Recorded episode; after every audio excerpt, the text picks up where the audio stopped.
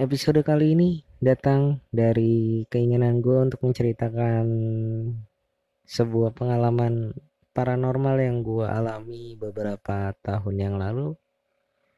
Dan lu lagi dengerin podcast gue buat edisi tanggal 1 September 2019. Tapi sebelum gue memulai cerita gue, gue cuma mau ngasih info aja ke kalian bahwa mulai bulan ini podcast gue akan naik setiap dua minggu sekali. Kecuali di YouTube. Kalau di YouTube nanti bakalan naik setiap dua eh sorry setiap satu bulan sekali. Entah itu di akhir bulan atau di awal bulan tapi yang pasti enggak dua minggu sekali. Hmm, jadi mungkin itu aja infonya karena juga kemarin banyak yang nanyain soal podcast gua dong. Ternyata gua pikir tidak ada yang mau mendengarin ocehan gua omongan gua. Gue pikir nggak ada yang bakalan dengar taunya. Banyak juga. Tapi gue bersyukur. Gue sangat berterima kasih kepada teman-teman yang sudah meluangkan waktunya bermenit-menit sampai satu jam. Belum sih belum pernah satu jam. Cuman hampir satu jam ya setengah jam. Buat dengerin podcast gue makasih banget buat ngebuang waktunya dengan percuma untuk mendengarkan podcast gue by the way kali ini gue mau menceritakan sebuah pengalaman paranormal yang pernah gue alamin uh, di sini gue cuman mau hmm, cerita tiga kejadian aja ya. Karena saking banyaknya gue agak lupa ceritanya kayak gimana tapi yang paling gue ingat sih tiga kejadian ini. Karena ya mungkin gak terlalu seram buat kalian tapi buat gue itu serem sih. Jadi kita mulai dari cerita yang pertama itu kejadiannya di saat gue duduk di bangku SMP. Jadi waktu itu gue sekolah di salah satu SMP swasta di dekat rumah gue yang mana awalnya gua tidak mengira sekolah itu atau gedung itu akan menyeramkan. Karena kalau misalnya dari luar misalnya lo tahu sekolah gue tuh nggak terlalu menyeramkan. Tapi itu juga menurut gue ya tidak tidak terlalu menyeramkan. Tapi ternyata setelah gue beberapa lama bersekolah di situ ternyata gue baru mengetahui bahwa sekolah itu ternyata menyeramkan dong jadi kejadiannya waktu itu gini. Gue ini kan anak osis ya. Gue itu di sekolah uh, salah satu anggota osis di sekolah tersebut. Dan waktu itu osis gue lagi mengadakan acara kayak camping gitu kayak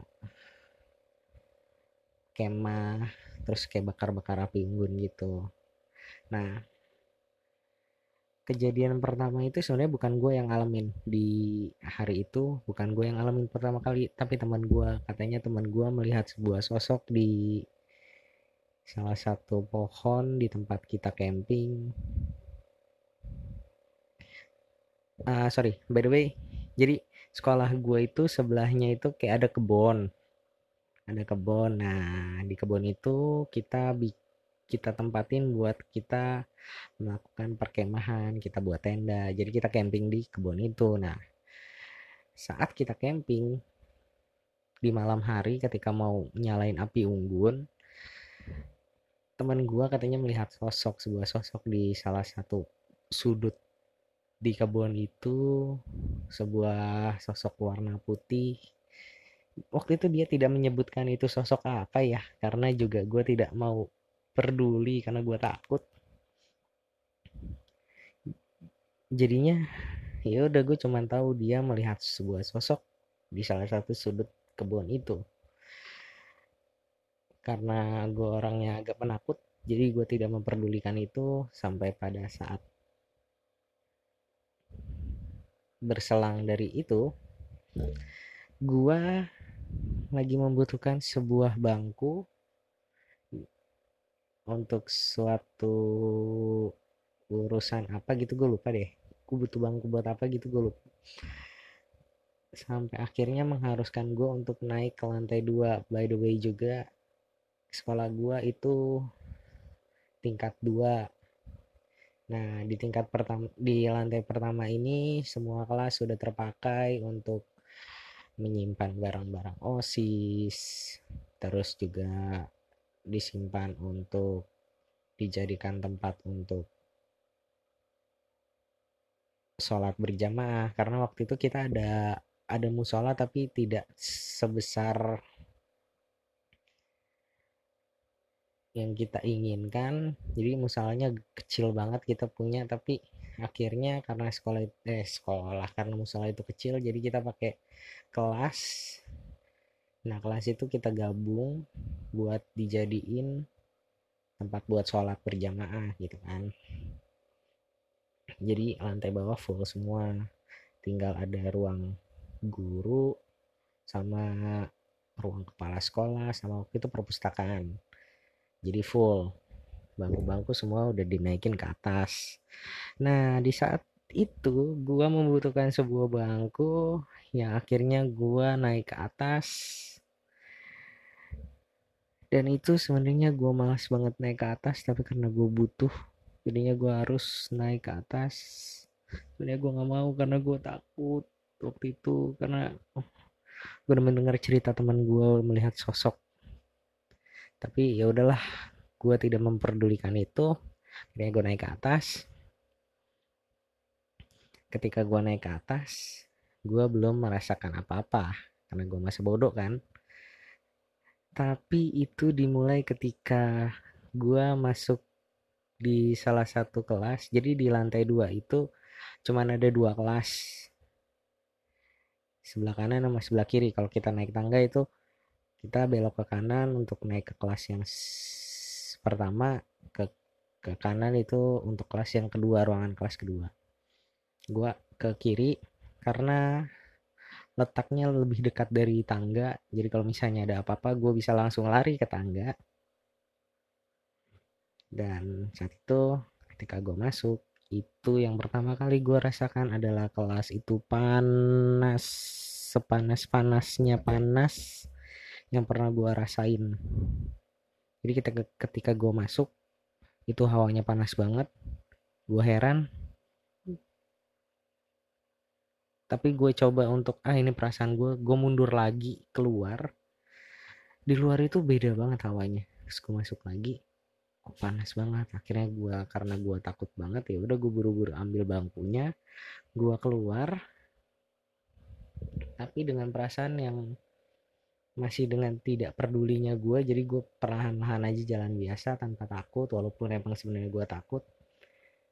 Sampai pada akhirnya ketika itu gue sempat teralihkan fokus ke arah kelas yang kedua yang arah sebelah kanan kalau misalnya kita naik ke tangga.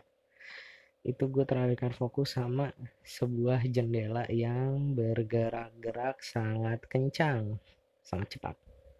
Buka tutup buka tutup buka tutup kencang banget. Sampai gue sadar di saat itu lagi nggak ada angin sama sekali walaupun tadi gue bilang hawanya beda sama yang di kelas sebelumnya itu hawanya adem-adem biasa yang gak ada angin sama sekali.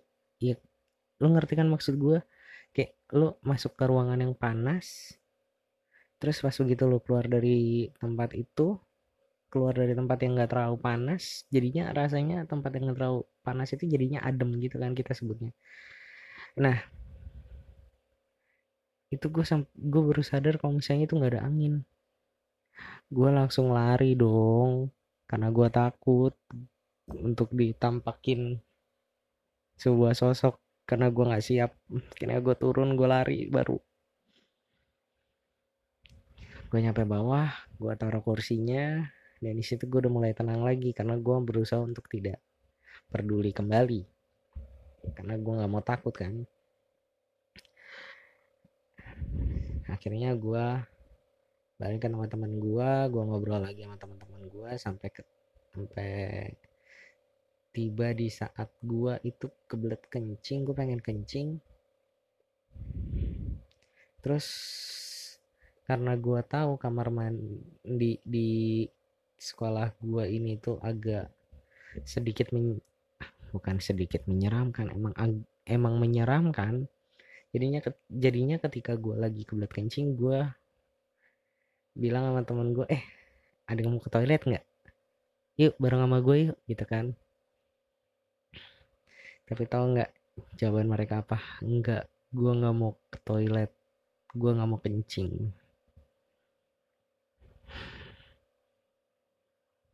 Di situ gue bingung apa yang harus gue lakukan apakah gue harus kencing sembarangan di kebun tapi itu tidak mungkin karena kalau misalnya gue kencing di kebun ntar yang ada bau pesing. Gue mikirnya sih di situ bau pesing ya. Takut terjadi bau pesing bukan kejadian apa-apa sama gue karena gue kencing sembarangan bukan. Gue takutnya cuma bau pesing doang terus habis itu orang pada nyari bau pesingnya karena apa terus sampai ada yang oh tadi Esa yang kencing. Dan akhirnya gue dicap untuk sebagai orang yang kencingnya bau pesing. Gue nggak mau itu makanya akhirnya ya udahlah mau nggak mau gue harus pilih antara gue tahan atau gue tetap ke kamar mandi itu. Tapi karena gue nggak tahan ya udah akhirnya gue tetap masuk ke kamar mandi itu. Jadi kamar mandi di sekolah gue itu di SMP gue itu sorry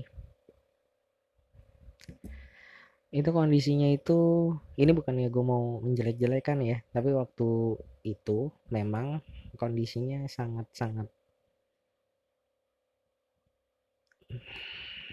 sangat-sangat apa ya kata yang lebih pas ya. Atau gini deh lu ngebayanginnya gini. Lebih buruk daripada toilet umum yang ada di Jakarta dan toilet itu nggak pernah keurus. Itu lebih buruk daripada toilet itu toilet sekolah gua yang SMP kayak gitu kondisinya. Dan lo tahu sendiri kan kalau udah kondisi toilet kayak gitu itu banyak banget makhluk-makhluk yang tidak terlihat senang dengan tempat itu. Jadi sebenarnya gue takut tapi gue kebelet kencing jadi ya udah gue masuk dan kamar mandi sekolah gue itu jadi kita harus masuk ke sebuah lorong gitu. Masuk ke sebuah lorong sampai di ujung jadi toilet itu ada di ujung lorong. Jadi selama gue jalan dari lorong sampai ke masuk ke toilet itu gue baca doa. Baca doa masuk kamar mandi baca doa baca surat al-fatihah baca surat yasin gitu kan ketika gue baca doa membaca surat yasin dan al-fatihah itu gue merasa tentram damai gitu kan. Sampai selesai gue keluar dari toilet dari kamar mandi gue tidak membaca doa dan surat-surat itu lagi. Karena gue pikir ah, aman. Jadi gue keluar dari lorong tanpa membaca doa sama sekali jalan tiba-tiba buar ada pintu yang dibanting dong. Di situ kondisinya sebelum gue masuk kamar mandi itu gue udah melihat kondisinya itu sepi sama sekali tidak ada orang. Dan selama gue di toilet itu gue merasa tidak ada orang sama sekali yang masuk. Karena kalau misalnya ada orang sama sekali ada orang yang masuk itu pasti gue dengar tapi ini sama sekali nggak ada orang yang masuk. Jadi ketika pintu itu dibanting ada suara pintu dibanting itu gue langsung takut gue langsung lari. Gue lari gue langsung ke teman gue terus teman gue nanya kenapa lu? Terus gue cerita gila gue habis dengar suara pintu dibanting cuy gue bilang gitu kan. Temen gue malah ketawa suwe. Nggak cuman sampai di situ doang. Kejadiannya jadi setelah kejadian itu kan kita tidur semua di tenda masing-masing kan. Sampai pada jam 4 setengah lima kurang kita dibangunin untuk uh, sholat subuh sekalian renungan. Nah kita kan sholat terus kita wudhu di tempat yang udah disediain kan. Saat gua bangun gua gua menuju tempat antrian wudhu entah itu cuman hayalan gua apa gimana. Jadi gua kayak melihat sebuah sosok tinggi gede warna hitam gitu. Dan di situ kondisinya ketika gue lagi ngantuk-ngantuk terus mata gue masih kayak sepet gitu nggak bisa kebuka ketutup kebuka tutup gitu gue ngeliat itu langsung teng ngantuk gue hilang terus gue langsung bilang sama teman gue yang di belakang waktu itu kakak kelas gue gue bilang kak kak coba deh lihat ke situ. Bener nggak apa yang gue lihat lu lihat. Kakak kelas gue bilang dia nggak ngeliat apa-apa. Itu di situ langsung gue shock gue kaget. Dan akhirnya gue coba untuk mengalihkan pandangan gue untuk tidak melihat. Tapi gue penasaran setelah gue mengalihkan gue lihat lagi hilang. Itu serem banget dan gue yakin itu bukan halusinasi gue itu. Itu beneran.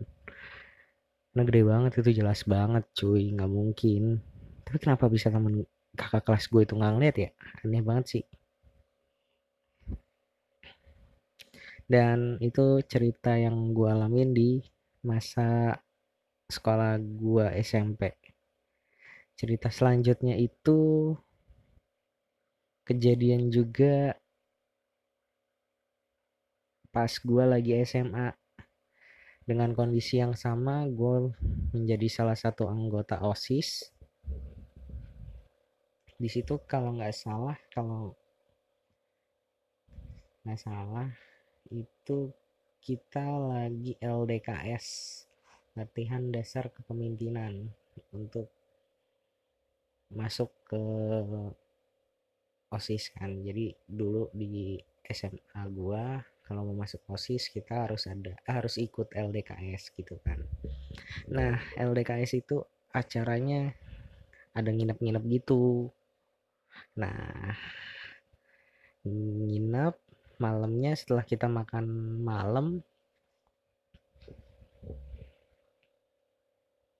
sorry gue lupa lagi. Ini harusnya gue tuh menceritakan dulu secara runut kondisi sekolah gue kayak gimana. Jadi gini. Kondisi sekolah SMA gue itu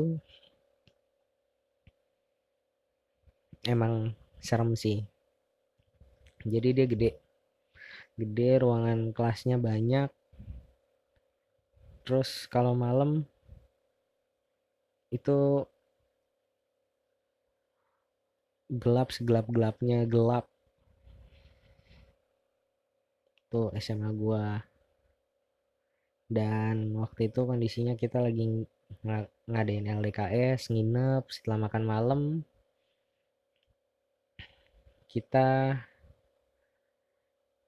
diminta buat tidur biar nanti ketika dibangunin tuh nggak ngantuk. Jadi awalnya kita pikir dibangunin nanti pas mau subuh gitu kan ada renungan pagi gitu. Tapi ternyata tidak dong. Jadi ketika kita tidur gue dibangunin sama senior senior osis gue untuk bangun di sekitar jam satu kalau nggak salah jam satu pagi satu dini hari. Itu buat ngadain jurit malam. Ini pasti teman-teman juga pernah melakukan jurit malam. Pasti tahulah gimana cara mainnya kan. Jadi kalau jurit malam waktu itu gue lakuin waktu itu kita berkelompok jadi kita dibagi beberapa kelompok. Waktu itu kita berkelompok waktu itu gue berkelompok sama siapa ya? Gue lupa deh. Pokoknya gue sekelompok sama teman-teman gue untuk bergantian mencari sebuah benda yang udah ditaruh di beberapa sudut sekolah gue sama senior osis gue dan kita harus cari gitu kan dengan modal center aja. Di situ kita harus nyari masuk sendiri-sendiri. Waktu itu sendiri-sendiri. Dan di dalam situ nggak cuman sendirian sih sebenarnya. Jadi ada ada kakak senior osis lainnya yang udah ada di dalam. Jadi takutnya kalau misalnya terjadi apa-apa gitu ada mereka yang bantuin gitu kan. Cuman kan kondisinya gelap ya kondisinya gelap cuman bawa satu center dengan adanya orang kan kita pikir kan bayangan-bayangan sosok ya. Walaupun memang sosok sosok manusia gitu kan cuman kan agak menyeramkan gitu takutnya juga sebenarnya sih bukan takutnya emang itu gue alamin. Jadi ketika gue masuk jadi kan peraturannya kita nyari kita masuk ke kantin jadi kantin gue itu di dalam sebuah ruangan gitu. Yang gelap nggak ada lampu kalau malam. Nah terus kita disuruh nyari sesuatu benda di kantin itu dengan bermodalkan center kita ngubek-ngubek kantin. Jadi waktu itu kondisinya gua nyari benda-benda yang menurut gua itu benda yang ditaruh. Pas begitu gua dapet gue pikir gue melihat sebuah sosok yang gue takut. Ternyata itu kakak kelas gue oke lah. Terus sampai akhirnya gue masuk ke dalam lebih dalam lagi itu gue ngebuk-ngebuk gerobak tukang somai, gerobak tukang minuman, terus gerobak tukang bubur gitu kan. Nah, di antara gerobak somai sama tukang bubur itu gue lagi nyari-nyari benda benda yang diminta sama kakak senior gue tapi gue nggak ketemu kan. Katanya kan pokoknya ada di dekat-dekat gerobak-gerobakan kakak senior yang di luar bilang gitu kan coba cari kalau untuk yang bagian dalam di dekat-dekat gerobak. Ketika gue cari gue kesulitan untuk menemukan barang, barang itu kan. Set gue cari gue cari itu sampai gue ngeliat ada kakak kelas gue gitu kan gue tidak berusaha untuk nanya kak di mana kak di mana gitu kan. Gue nggak berusaha untuk nanya kayak gitu. Tapi tiba-tiba dia ngasih unjuk tuh di situ. Wah baik banget kan kakak kelas gue oh seneng dong gue dibantu. Gue bilang kak makasih ya. Set gue jalan lagi ke arah keluar masih mencari.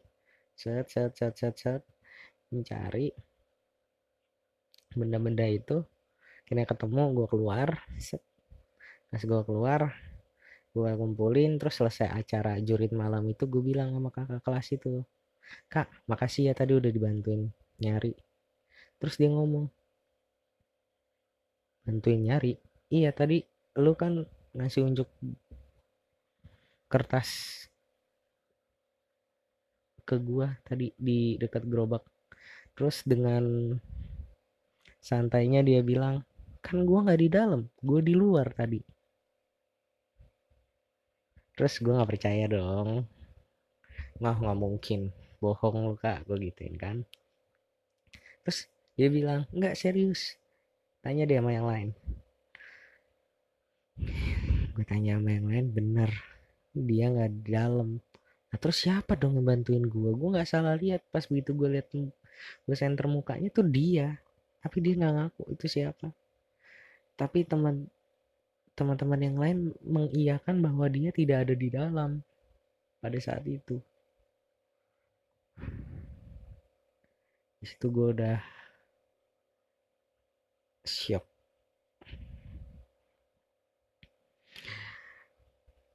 Itu kejadian pertama LDKS yang pernah gue alamin di SMA nggak lama setelah itu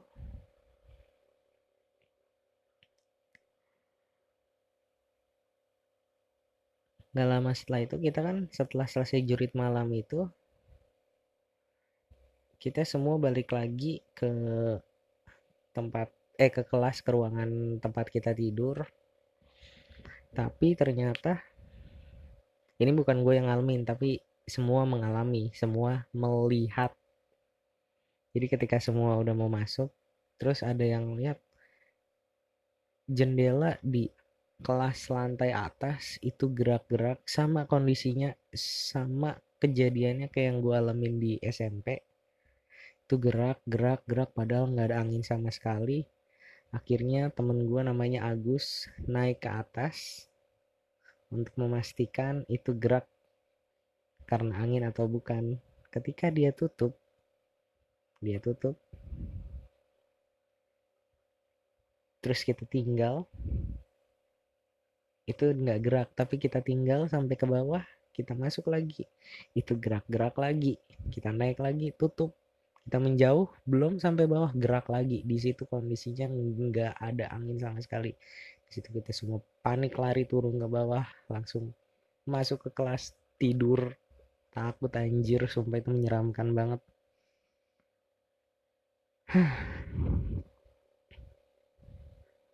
dan ternyata kata salah satu teman gue katanya itu digerakin sama katanya sih kuntilanak kata dia karena katanya dia bisa melihat gitu kan.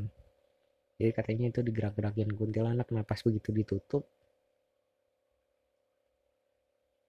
si kuntilanak ini katanya iseng gitu. Jadi ya udah pas begitu ditutup dia diamin pas gitu kita turun digerak-gerakin lagi gitu kan. Situ gue merinding ini aja gue merinding nih cerita cerita kayak gini nih. Tapi cerita itu udah selesai sampai hari itu karena LDKS-nya cuman satu hari satu malam aja. Jadi kejadian yang gue alamin saat LDKS cuman itu aja sih yang gue alamin sendiri ketika gue kira kakak kelas gue ngebantuin gue ternyata bukan ternyata itu sosok lain. Dan yang kedua itu yang kita lihat secara seksama jendela digoyang-goyangin. Dan ini kejadian yang ketiga kejadiannya waktu itu ketika gua study tour. Ini masih di SMA masih zaman zaman SMA gue ikut study tour ke Semarang kalau nggak salah waktu itu. Ke Semarang. Kita dari Jakarta dari dari sekolah di Depok itu jalan pagi jam 8 nyampe di Semarang itu siang. Nah siang hari ketika kita eh sorry sorry sorry sorry. Kita nyampe malam. Kita nyampe malam. Karena perjalanan jauh macet gitu kan. Kita nyampe malam. Malam itu gue inget banget malam nyampe kita kumpul di di luar karena kita belum dapat kunci kamar. Kita belum dapat kunci kamar kita ngumpul di luar. Sampai pada akhirnya gua dapat kunci kamar dan ternyata gue sekamar sama teman gue namanya Agus. Nah sebelum masuk ke hotel itu gue udah merasa aneh merasakan hal-hal aneh dari hotel itu. Kayak apa ya kayak hawanya tuh aneh aja gitu buat gue dan ternyata katanya itu hotel itu hotel baru gitu kan. Sampai gue menemukan info katanya itu hotel baru baru beberapa bulan gitu. Cuman harusnya yang namanya hotel baru itu kan tidak ada kerusakan-kerusakan yang aneh ya. Tapi ternyata ketika gue nyampe gue menemukan hal-hal aneh yang seharusnya tidak terjadi pada hotel baru. Waktu itu gue ngeh. Apa ya waktu itu ya? Gue lupa deh. Oh inian kunci kamar. Kunci kamar itu kan bentuknya kartu ya? Bentuknya kartu. Terus pas begitu gue masukin kartunya nggak bisa. Nggak bisa dimasukin gitu kan pintunya nggak bisa kebuka gitu sampai sama pakai kartu itu. Nah terus habis itu gue lapor ke guru gue bilang kalau misalnya kunci, kunci, kartu itu nggak bisa digunain buat dibuka. Sampai akhirnya guru gue coba ngecek ternyata bisa dong. Padahal gue sama Agus udah nyoba berkali-kali udah 15 menit setelah kunci itu dikasih ke kita. Itu pintu nggak kebuka tapi setelah kita coba lapor ke guru terus abis itu gurunya ngecek nyoba bisa. Itu buat gue aneh ya buat gue aneh. Cuman bisa aja gue salah masukin kartu. Tapi seharusnya kalaupun gue salahin mas salah masukin sudut kartu harusnya tetap aja dong berfungsi dong. Tapi gue nggak terlalu peduli sampai akhirnya gue sama Agus ganti baju untuk istirahat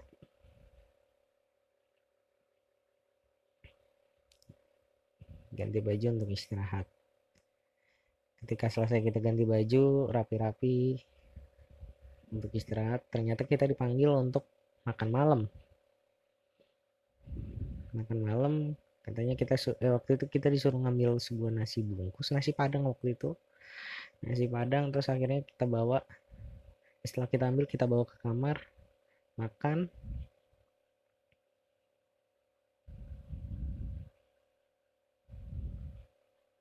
makan. Ntar dulu deh gue lupa cerita yang ini deh. Makan terus ngobrol-ngobrol sambil nonton TV selesai. Tidur.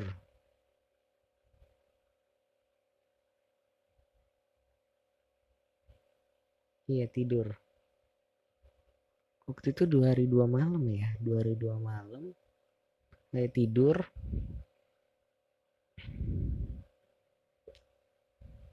terus oh ya tidur. Karena besokan paginya kita tuh ada kunjungan ke salah satu pabrik roti di daerah Semarang. Kita disuruh untuk siap-siap sebelum jam 8 karena jam 8 itu kita udah harus berangkat gitu. Dan akhirnya ya udah. Di situ kejadian aneh buat gua itu terjadi pertama itu pintu ya setelah itu besokan paginya kita jalan di satu-satu. Nih. Set seharian kita berkegiatan sampai pulang sore hari. Sore hari set turun ke bawah. Eh turun ke bawah. Turun dari bis kita masuk ke kamar masing-masing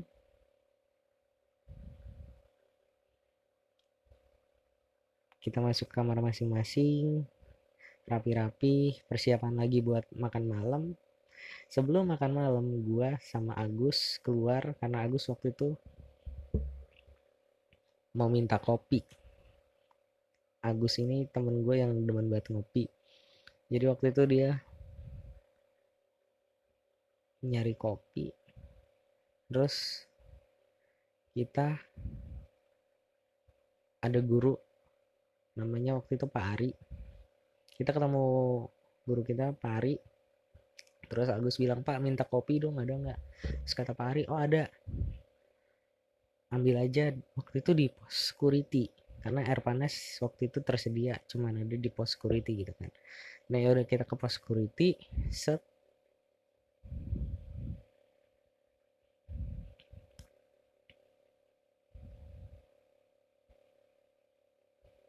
pos security kita balik lagi ke kamar. Eh kita balik dari pos security itu kita ngelihat Pak Ari masuk dari luar dari arah jalan raya masuk ke dalam hotel menuju ke arah pos security. Yang kita ingat beberapa menit yang lalu kita baru minta kopi sama Pak Ari dan Pak Ari jalan ke belakang kita masuk ke dalam hotel tanpa keluar lagi.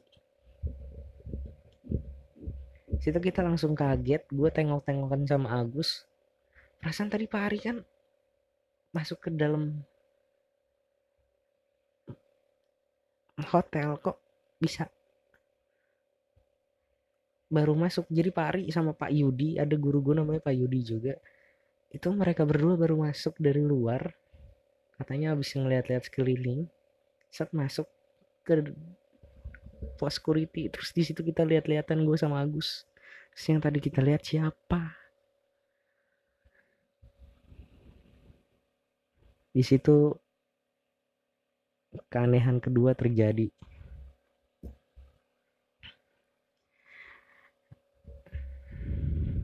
Dan setelah kejadian itu kita makan malam. Makan malam habis itu selesai makan malam kita disuruh tidur untuk persiapan besok kunjungan industri lagi. Dan habis itu langsung pulang ke Jakarta gitu kan. Cuman karena kejadian itu bikin gue sama Agus nggak bisa tidur shock lah gak bisa tidur. Orang jelas-jelas abis ngomong kok tiba-tiba abis ngomong terus dia masuk kok tiba-tiba ada dari luar. Masa ada dua orang Pak Ari kan gak mungkin. Situ gue sama Agus nggak bisa tidur. Akhirnya kita ngobrol-ngobrol. Itu kalau nggak salah jam 11 mal sampai jam 11 mal hmm, setengah 12 kita ngobrol terus sampai pada akhirnya kita keluar kamar karena bete terus ada teman kita juga. Waktu itu ada si Fajar, Kamal, sama Iqbal dan akhirnya kita main poker waktu itu di depan kamar. Sampai setengah satu terus sampai setengah satu terus si Iqbal Kamal dan Fajar mereka balik ke kamarnya karena katanya mereka ngantuk. Tapi kita tetap nggak bisa tidur akhirnya kita coba keliling-keliling hotel kan. Terus coba. Waktu itu nyari jajanan. Jadi kita keluar hotel kita izin sama security buat ke Indomaret. Buat ke Indomaret kita lewat depan jalan raya. Nah dari hotel ke si Indomaret ini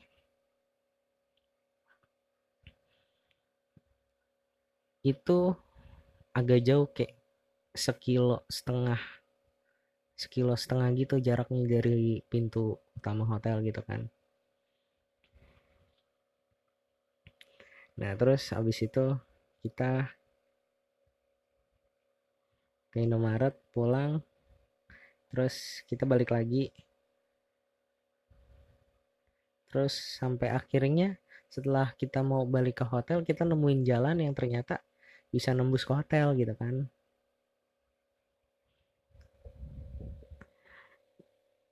Kita nemuin jalan jadi kita nggak harus jalan jauh satu setengah kilo lagi untuk nyampe ke hotel. Jadi kita nemuin jalan yang lebih deket sekitar 50 meter malah.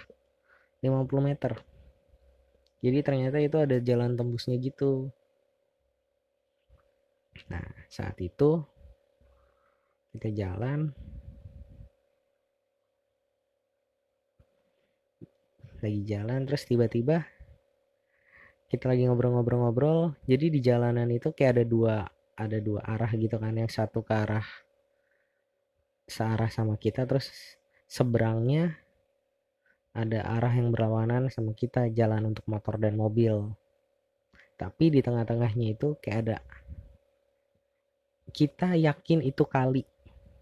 Gue sama Agus ngeyakinin itu kali karena itu ada jembatan. Nggak mungkin dong ada jembatan bawahnya itu jalanan kalau bukan kali atau selokan gede gitu masa iya jalanan untuk jalanan sebuah sebuah jalanan kecil. Di situ gue ngeliat kayak ada orang lari nyebrangin itu kali tanpa dia turun ke bawah dan tanpa dia ngelewatin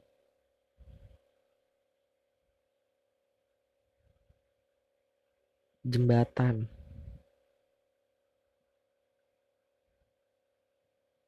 Itu dia nggak kayak dia kayak dia terbang gitu kan.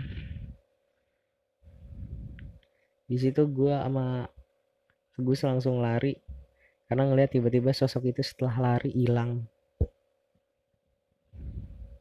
lari nyampe di kamar set tidur kita eh tidur masuk kamar kita makan kita menenangkan diri untuk tidak ngobrol link itu supaya kita lupa.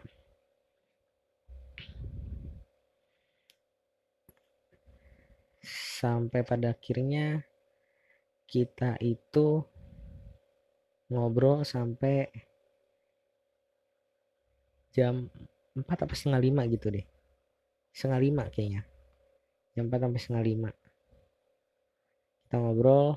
Abis itu gue bilang sama Agus kan ngobrol-ngobrol-ngobrol kita udah ngobrolin banyak. Mulai dari tentang cewek terus tentang teman-teman masing-masing gitu kan keanehan teman-teman masing-masing.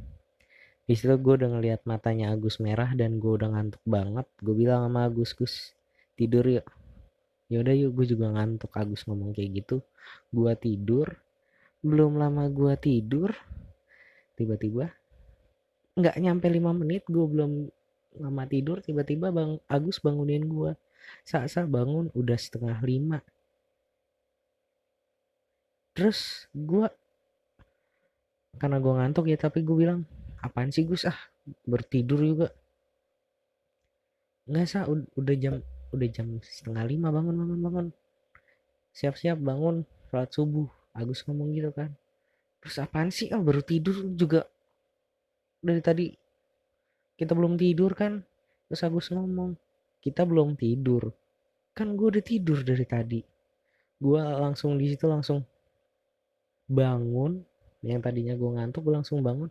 Lu bilang kan tadi gue tidur.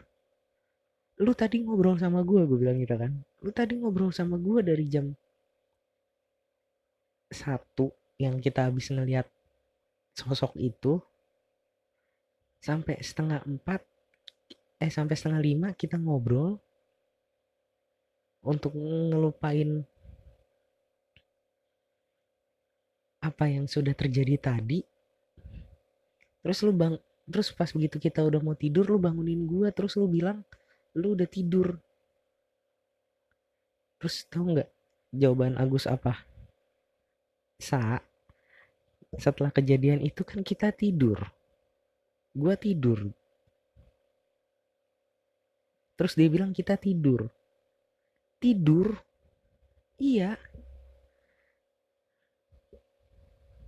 Terus di situ gue langsung bingung. Kayak gue nggak tahu apa yang barusan kejadian terus taunya Agus ngomong kayaknya lo habis ngomong sama kodam gue deh. Jadi gue baru tahu ternyata si Agus ini dia kayak punya penjaga gitu. Terus abis itu dia bilang kayaknya tadi yang ngobrol sama lu terus buat ngilangin rasa takut lu si yang jagain si Agus ini dia bilang gitu. Kayaknya yang yang abis ngobrol sama lu dan ngebuat lu untuk lupa dengan sosok yang tadi kita lihat kayaknya yang jagain gue terus di situ gue makin takut dong. Karena uh, gue habis ngomong sama bukan Agus. Di situ gue langsung lu jangan nakut nakutin gue ya. Enggak enggak serius dia bilang gitu kan. Di situ gue untung bersyukur karena hari itu kita langsung balik ke Jakarta kan. Cuman kejadian itu belum sampai di situ.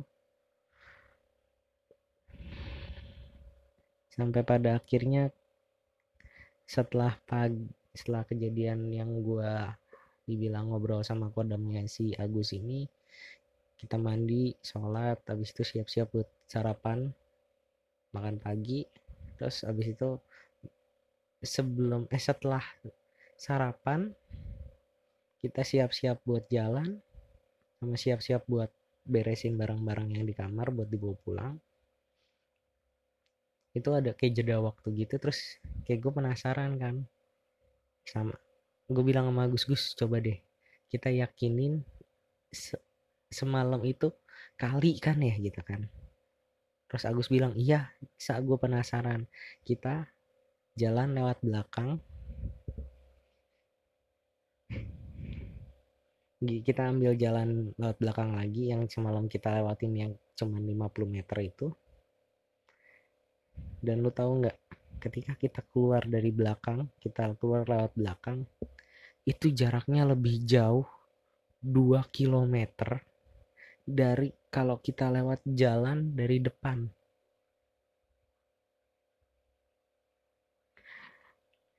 Dua kilometer lebih jauh jadi kalau kita lewat depan ke arah Indomaret itu kita cuman eh kita menempuh jarak 1,5 km.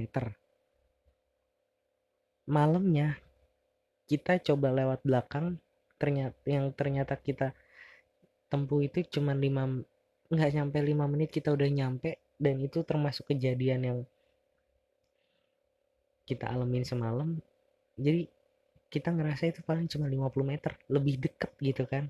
Tapi ternyata kebesokan paginya ketika kita kepo dengan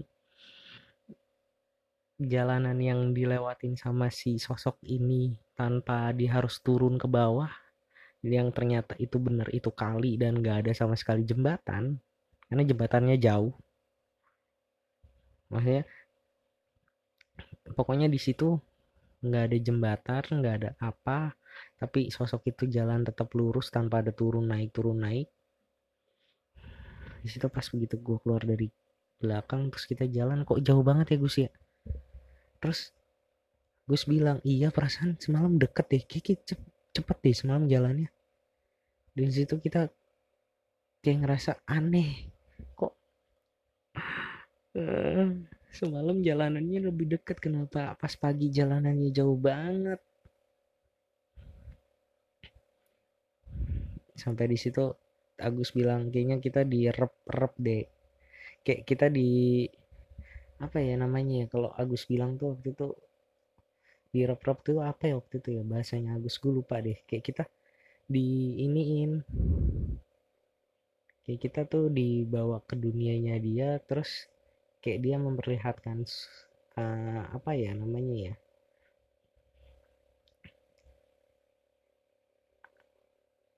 gue lupa lagi apa yang Agus bilang pokoknya.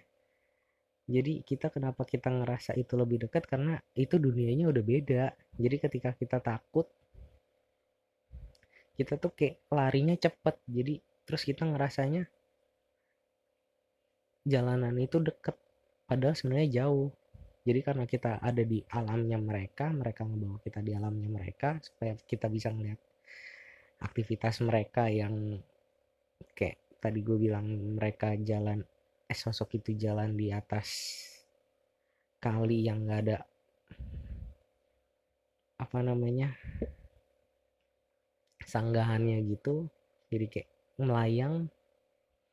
Nah itu terus bikin kita takut dan kita kayak lari terus kayak kita lari ngerasa deket padahal itu ternyata jauh. Dan Agus bilang itu di rep-rep gitu buat Agus sih itu biasa cuman buat gue itu gila aneh sumpah. Dan itu kejadian yang paling menyeramkan buat gue di hotel Semarang. Hotel baru yang sampai sekarang gue nggak tahu itu hotel apa hotel dulu bekasnya bekas bekas apa sebelum dibangun tapi itu serem banget sumpah. Gila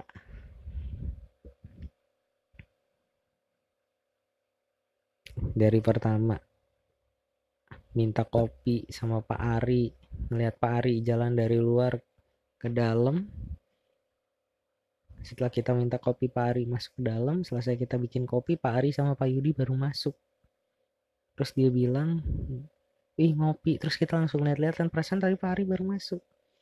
Kejadian pertama. Oh ya sebelumnya kunci pintu kartu kunci pintu yang nggak bisa kebuka tapi gue gue pikir itu nggak terlalu ini deh tapi itu juga salah satu yang gue kait-kaitin aja sih. Karena aneh buat gue seharusnya kunci kartu di hotel itu kalaupun kita bolak-balik harusnya bisa dong nggak mungkin tidak bisa dong. Itu aneh. Dua tiga.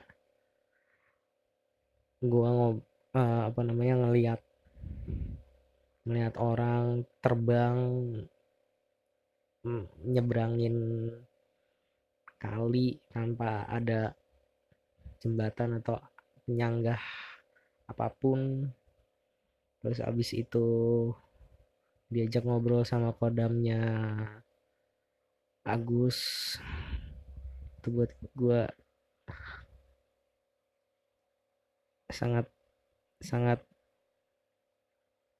menyeramkan. Dan itulah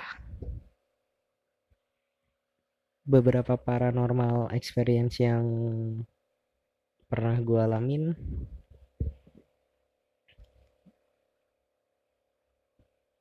Gue pengen tahu kira-kira kalian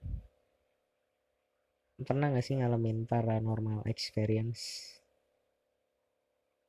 yang lebih serem dari gue kalau misalnya ada coba dong kasih tahu gue kalau misalnya ini nanti gue post di eh gue naikin di YouTube coba dong ceritain di kolom komentar di bawah pengalaman paranormal terseram kalian tuh apa. Sebenarnya sih pengalaman paranormal gue tuh banyak nggak cuman itu doang. Cuman karena saking banyaknya dan gue juga udah lupa. Kayak tadi sebenarnya juga ada beberapa hal yang gue lupa sih. Tapi gue nggak bisa ngingetnya karena buat gue agak malas buat ngingetnya juga sih. Takut anjir. Jadi makanya gue cuma ceritain beberapa kejadian tadi aja. Dan mungkin gitu aja untuk episode kali ini. Kayaknya ini episode dengan durasi yang sangat panjang udah hampir satu jam juga. Dan terima kasih sudah mendengarkan. Sampai jumpa lagi di episode selanjutnya. Dadah